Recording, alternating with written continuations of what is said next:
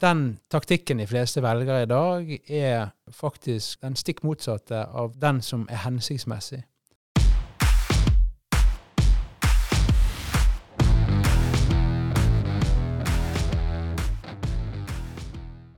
Velkommen til eh, Bak fasaden, en podkast om eh, bolighandel. Mitt navn er Mariell Jacobsen, og med meg her i dag så har jeg Krista Vikebø, eiendomsmegler i privatmegleren Vikebø og Jørgensen. Velkommen til deg, Christer. Takk for det. Du har skrevet bok i år, du. Det har jeg. Har du mulighet til å fortelle litt om hvorfor du har skrevet denne boken? Ja, vel, i bunn og grunn så er det vel fordi at jeg opplever at det er ganske stor forskjell på hva folk gjør i markedet, og hva de kanskje burde gjort. Så det handler vel om eh, en mulighet for folk til å gjøre ting litt riktigere. Um, tjene, spare penger, og ikke minst om å unngå feil og tabber. Ja, for På boken din så er du presentert med skikkelig lønnsom bolighandel. Ja. Eh, men dette er jo ikke en typisk bok. Han Nei. fungerer jo litt mer som et oppslagsverk. Absolutt. Ja da, jeg tror eh, det å lese gjennom 300 sider om, om bolighandel for folk flest, jeg tror det ville vært ganske kjedelig. Men eh, eh, her er det jo mer sånn I forhold til det du lurer på, så finner du svaret. Så når du skal på visning, slå opp den delen, lese gjennom den før en budrunde, gjør det samme der, osv. Hvis du blir usikker på noe i forhold til ja, etter du har kjøpt boligen, så kan du også søke tilbake igjen og finne informasjon. Hvis naboen din er litt vanskelig, f.eks. Men når vi er inne på, på boligkjøp, hvor Ja. er det folk kan bli enda flinkere? Eh, vel, det korte svaret er egentlig overalt, tror jeg. Eh, det er kjempestor forskjell på eh, boligkjøpere og selgere. Eh, og noen er kjempeflinke. Eh, noen er kjempedårlige. De fleste er midt imellom, som betyr at eh, jeg tror vi nesten alle har litt å gå på. Bolig er jo litt sånn rart, fordi det er jo store summer det er snakk om. Og allikevel så gjør vi det jo egentlig de fleste av oss uten å egentlig søke noe særlig informasjon. Kanskje vi er litt på internett eh, hvis vi lurer på noe, eh, og forhåpentligvis kanskje man finner noe informasjon der, men neppe alt. Eh, og mange støtter seg ut til svigerfar. Eh, det har vel jeg erfart at selv om det er masse gode intensjoner, så er det ikke alltid han eh, gir de beste rådene. Det er det ikke. Ja, for det er vel en liten sånn fun fact at man bruker omtrent like lang tid, eller kanskje lengre tid på å kjøpe TV enn man kjøper bolig. Ja, ja da, det er riktig. Så vi undersøkte faktisk akkurat det du sa der i august. Vi bruker omtrent like lang tid. Eh, så det er klart, det å kunne slå opp ting og, og basere seg på eh, hva skal jeg si, kunnskap eh, jeg, tror, eh, jeg, tror, jeg tror det er viktig.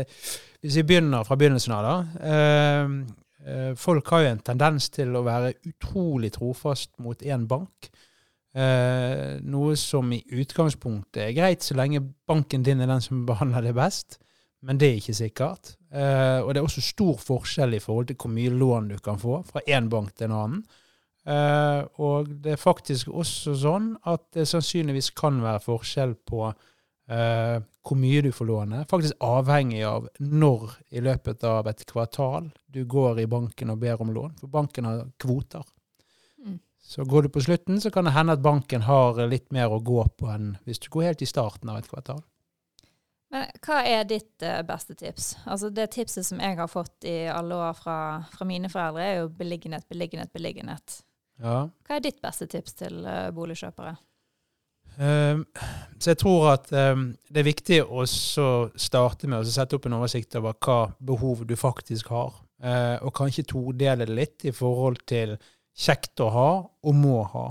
Sånn at du i alle fall ikke forelsker deg i stylingmøbler og ender opp å kjøpe en bolig som ja, Si du har ett barn og kjøper et hus eller en leilighet med to soverom, og så viser det seg at om to år så har du behov for et soverom til. Eh, at du faktisk tvinger deg sjøl til å tenke gjennom de tingene som er litt sånn praktisk i, eh, i hverdagen. Um, ting kan være veldig ulike fra tidspunkt til tidspunkt. Det kan være kjempefint et sted om sommeren. Om vinteren så kan det være helt umulig å kjøre bil opp til huset, og kanskje er det ikke sol. Um, ja, og beliggenhet er jo helt åpenbart. Det er jo selvfølgelig Det er den ene tingen du ikke får gjort noe med. Så det du har blitt fortalt, eh, er jo riktig. Eh, men jeg tror jo folk tar veldig lett på det med beliggenhet allikevel. Um, de fleste de kjører kanskje til den boligen de skal på visning til, og går på visning og setter seg i bil og kjører igjen. Uh, jeg kunne jo tenkt at altså, gå en tur i nabolaget, gå fra huset opp til skolen.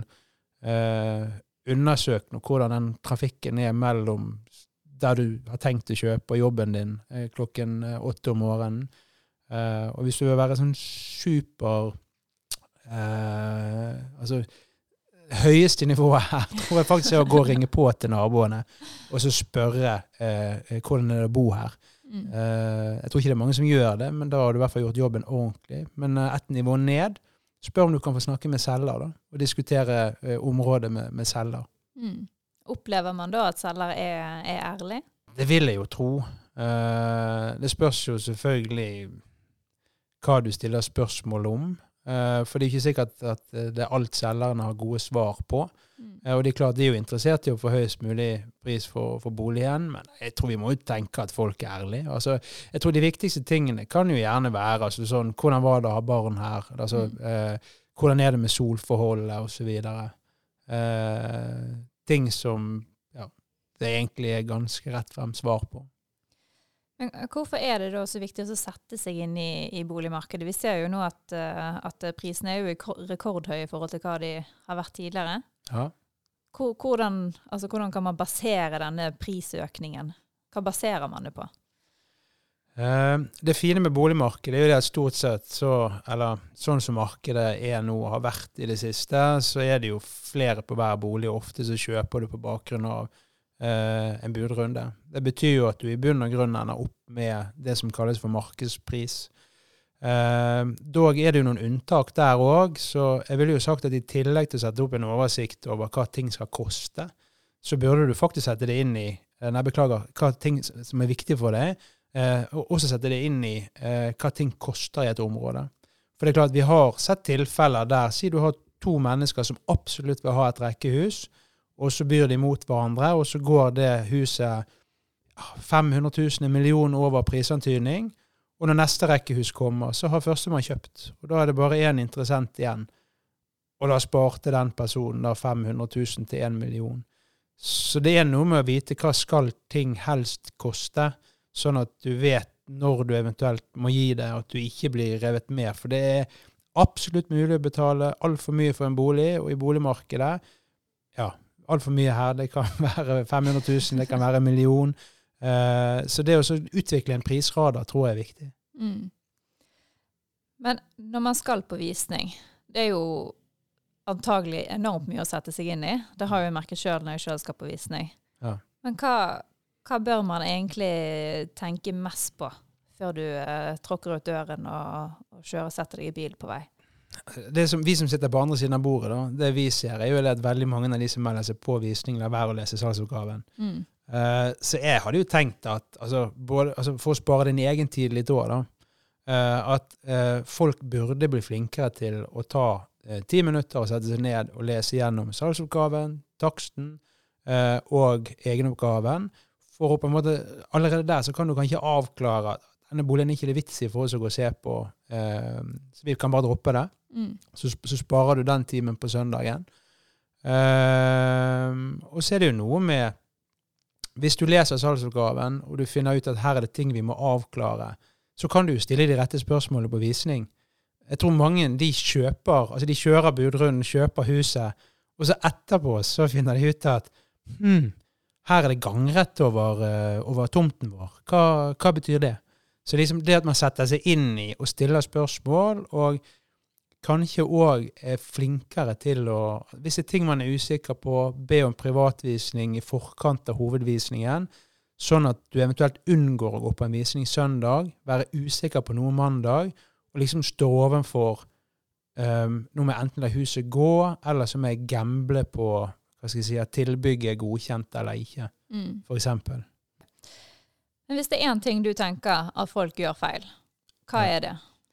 Da tror jeg faktisk um, Sannsynligvis er det budgivning. Oh, ja. ja. Så den taktikken de fleste velger i dag, er uh, faktisk den stikk motsatte av den som er hensiktsmessig.